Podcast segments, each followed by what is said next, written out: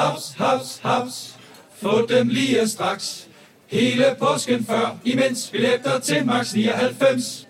Haps, haps, haps. Nu skal vi have... Orange billetter til max 99. Rejs med DSB Orange i påsken fra 23. marts til 1. april. Rejs billigt, rejs orange. DSB, rejs med. Haps, haps, haps.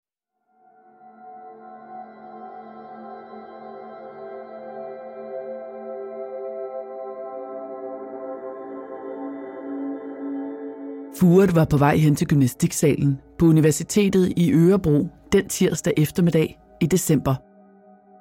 Han havde tøj med til at træne efter en lang dag fyldt med studerende og samtaler med de andre professorer på universitetet. Det var en god dag, for Furet havde netop fået tildelt et stort legat til sin sociologiske forskning, og han hilste fornøjet på alle, han passerede ned ad gangen. Han passerede hovedindgangen og drejede til højre mod sportshallen, da han hørte nogen nærme sig bagfra. Han følte en skarp smerte i nakken, inden han faldt om, og alt blev sort. Omkring hans sammenfaldende krop dannedes en blodpøl.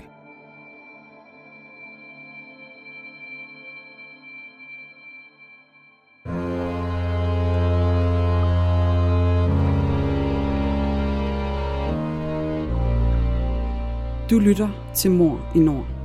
En podcastserie om nogle af de mest opsigtsvækkende drabsager fra Norden.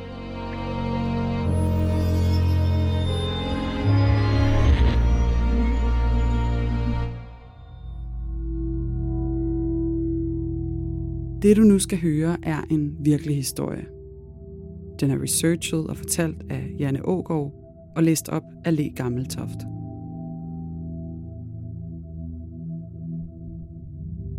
Det her er en genfortælling af sagens fakta, som de har været gengivet i andre medier.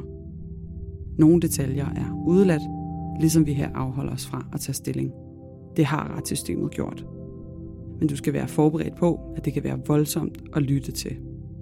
Ikke mindst fordi det handler om rigtige menneskers liv og død.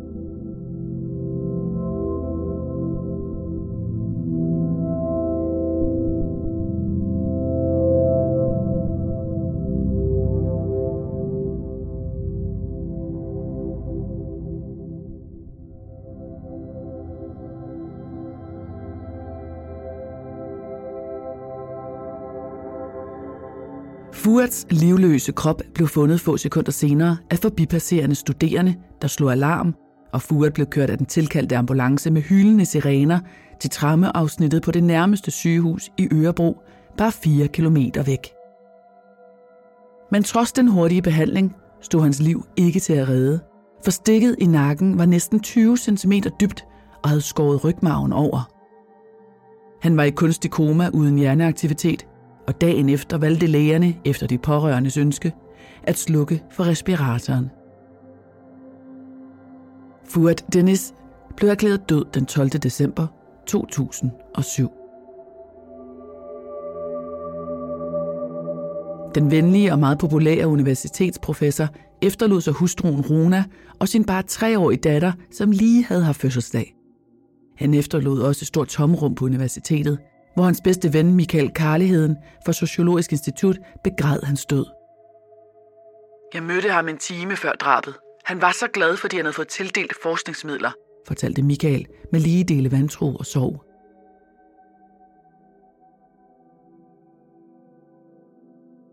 Men hvem kunne ønske den godmodige forsker og studieleder død?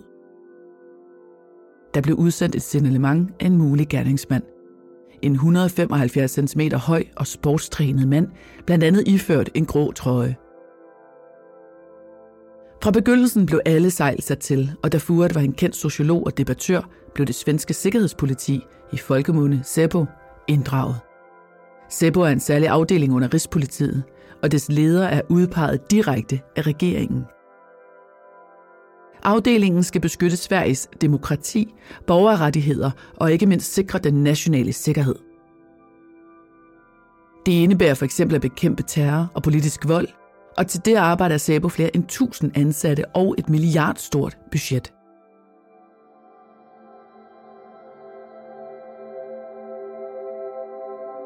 Furet var ikke en herre hvem som helst. Udover at undervise i sociologi, var han født i Tyrkiet 40 år tidligere i en lille landsby som den ældste søn af en børneflok på fem, født af analfabetiske forældre på den anatolske slette. Hans familie var assyrer, et forfulgt kristent mindretal i Mellemøsten, og derfor flygtede han og familien til Sverige, da han var ni år gammel.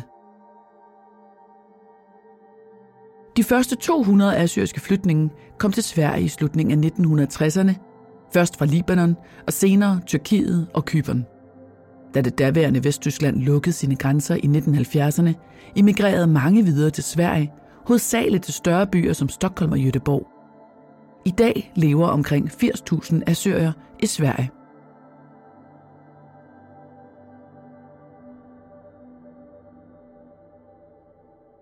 Igennem sin doktorafhandling En minoritets odyssé ved Uppsala Universitet i 1999 beskrev Furt det tyrkiske folkedrab på assyrer under det osmaniske imperium i det tidlige 20. århundrede. Tyrkiet nægter at anerkende, at deportationen og massedrabene på mellem 300.000 og 1,5 millioner armenere i årene 1915 til 1917 var et reelt folkedrab. Den anerkendelse er en af betingelserne, som mange EU-lande har stillet for at acceptere Tyrkiet i unionen. Furet var langt mere sociolog end politolog, så hans doktorafhandling gik især i kød på, hvordan vores identitet skabes af samfundet og vores fællesskaber, og hvad der sker, når vi møder andre kulturer. Projektet, der var bevilget penge til, var et stort EU-projekt, der handlede om trosbaserede fællesskaber, og hvordan de kan føle sig ekskluderet i større byer. Furts forskning gjorde ham kendt i intellektuelle og politiske kredse, især da hans bog om de assyriske unges integration i det moderne svenske velfærdssamfund udkom i 1990. Så måske skulle motivet for drabet på Furt findes i politiske kredse. Og det var netop det, som Sebo fik til opgave at undersøge.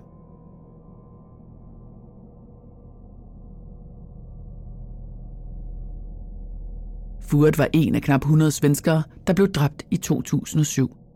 I provinsbyen Ørebro var drab ikke usete, men dog sjældne. Byens 125.000 indbyggere levede et roligt liv, godt 200 km fra Stockholm, og byen var ikke plaget af bandekriminalitet som Malmø i syd.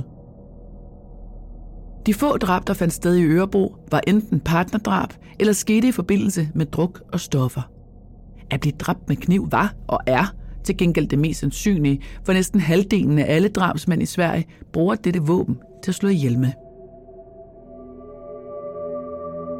Kriminalpolitiet i Ørebro efterlyste vidner og hjælp fra offentligheden i sagen, og allerede dagen efter kom en del tips ind. Blandt andet fra butikspersonalet i et supermarked omkring 3 km fra universitetet. Her var en kunde kommet ind med blod på både bukser og overtøj, men desværre var overvågningsbillederne for stedet ret dårlige. Her kommer en nyhed fra Hyundai. Vi har sat priserne ned på en række af vores populære modeller. For eksempel den prisvindende Ioniq 5, som med det store batteri nu kan fås fra lige under 350.000. Eller den nye Kona Electric, som du kan spare 20.000 kroner på. Kom til Åbent Hus i weekenden og se alle modellerne, der har fået nye, attraktive priser. Hyundai. Den 14. december holdt universitetet en mindehøjtidlighed for Furet med deltagelse af personale, studerende og den daværende undervisningsminister, og over 500 deltog for at mindes den populære underviser. Vi har mistet en kær kollega og en ven, sagde Furets chef Mats Lindberg ved mindehøjtidligheden, hvor også Furets lille søster talte. Furets landsmænd i den assyriske liga hyldede sociologen, der var den første assyriske indvandrer i Sverige til at få en videregående uddannelse – han var et fyrtårn og et forbillede for alle assyrer. Store ressourcer blev sat ind i jagten på drabsmanden, og udover Sabo havde det lokale kriminalpoliti over 20 betjente i gang med efterforskningen. I pressen blev der spekuleret i forskellige teorier, især hos en tabloid avis, Expressen, der kaldte Furets død for en planlagt henrettelse med mulige politiske motiver. Kombinationen af Furet som aktiv i den offentlige debat og hyppige udtalelser om integration og indvandring gjorde ham til et oplagt mål. Flere af hans forskerkolleger på universitetet stod frem og fortalte om trusler på livet. En af hans kolleger, historieprofessoren David Gaunt, deltog i flere paneldebatter med Furet, hvor de blev fotograferet af, hvad der viste sig at være falske journalister. Det armenske folkedrab var et følsomt emne.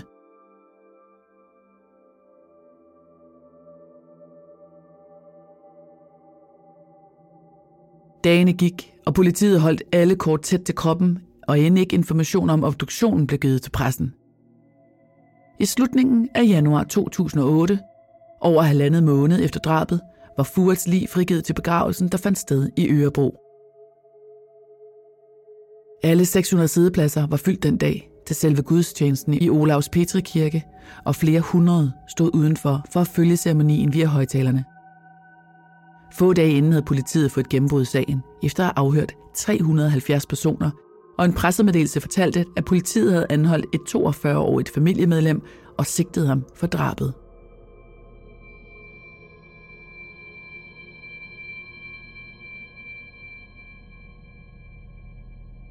Manden havde ren straffetest, var svensk statsborger og blev pågrebet af hans hjemby, Jødeborg.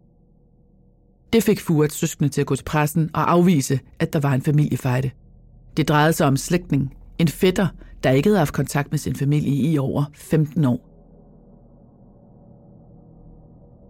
Anholdelsen førte til dyb lettelse hos forskerkolleger og på universitetet, for i det mindste var det ikke et politisk motiveret mor.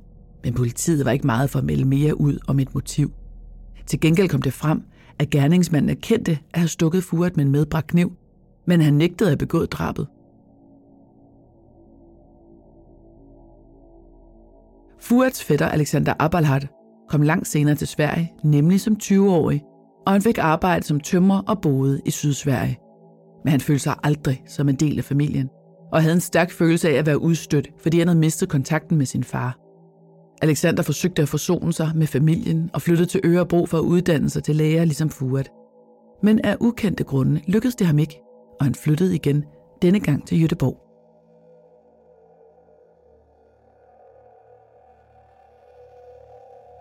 Alexander gik både til psykolog, fik medicin mod angst og var sygemeldt, men savnet til familien fyldte i hans liv. I et anfald af desperation tog han til Universitetet i Ørebro i december 2007, fem dage inden drabet. Han mødtes med en kvindelig bekendt og fortalte, at han ville slå ihjel, og hun forsøgte at tale ham til fornuft. Som dagene gik, virkede det som om Alexander opgav sit forhavne, lige indtil den tirsdag eftermiddag.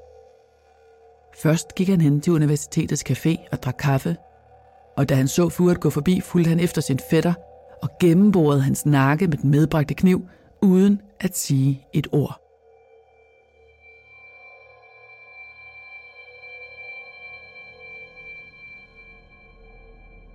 Alexander havde gennem årene opbygget et sygeligt had til Furet gennem 22 år, som han ensydigt bebrejdede for at have vendt familien mod ham.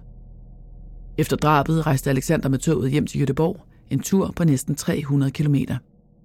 Først den 16. januar blev han anholdt. Under afhøringen beskrev Alexander sit fortsatte had til Furet. Han slipper bare så forbandet let, og jeg bliver nødt til at sidde her og lide endnu mere, fortalte Alexander til politifolkene. Han påstod også, at Furet havde slået ham på kæben, men da politiet anmodede om og fik udleveret hans journaler, viste sig, at arret på Alexanders kæbe skyldtes fjernelsen af en godartet tumor. Venner og familie kunne fortælle om Alexanders misundelse på Furets succes, der nagede ham, og gennem årene havde Alexander troet sin fætter ved at skrive breve og lægge ondsindede telefonbeskeder. Alexanders far var med årene blevet syg, og Alexander krævede, at hans søskende skulle tage sig bedre af den aldrende mand, og i øvrigt afbryde kontakten til Furet. Det var derfor ikke overraskende, at anklager Karl Erik Antonsen udfærdigede et anklageskrift, hvor tiltalen lød på drab og ikke vold med døden til følge, som Alexanders advokat fastholdt.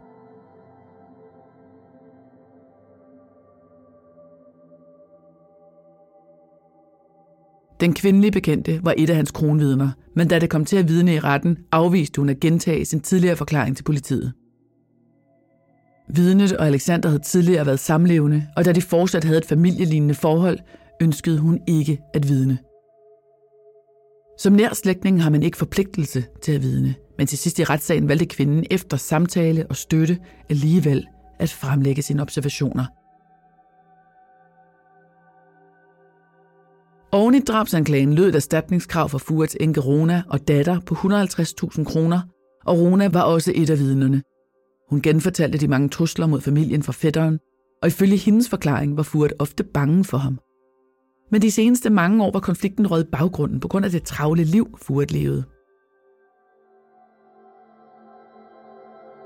Alexander hævdede, at han blot var taget til universitetet i Ørebro for at tale med Furt, og at kniven var medbragt til selvforsvar.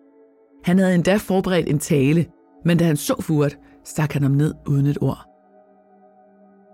I retten undskyldte Alexander sin gerning og sagde, at han delte de pårørende sorg. Den 28. april 2008 fandt byretten Alexander skyldig i drab, og han fik en dom på 10 års fængsel. Oveni skulle han betale de pårørende en erstatning på 200.000 kroner. Dommen på 10 års fængsel anså anklageren for at være utilstrækkelig. Tidligere havde en dom for højesteret nedsat straffen for almindeligt drab til 10 år, og det valgte både by- og landsretten at tage til efterretning. Kun ganske særligt grove drab vil fra dag af give livstidsdom. Derfor ønskede anklager Antonsen en lovændring for at give domstolene mulighed for længere tidsbestemte straffe i fremtiden, og han appellerede dommen. Det samme gjorde Alexander med påstand om frifældelse. I juli 2008 stadfæstede appelretten kendelsen om drab, men der var ikke enighed om længden på straffen. Ifølge reglerne om flertal endte det dog med, at Alexanders straf på 10 års fængsel blev opretholdt. Alexander Aberhardt blev prøveløsladt i en alder 50 år og har så vidt vides ikke været i konflikt med loven siden. Han bor alene i Vesterfrølanda, en forstad til Jødeborg.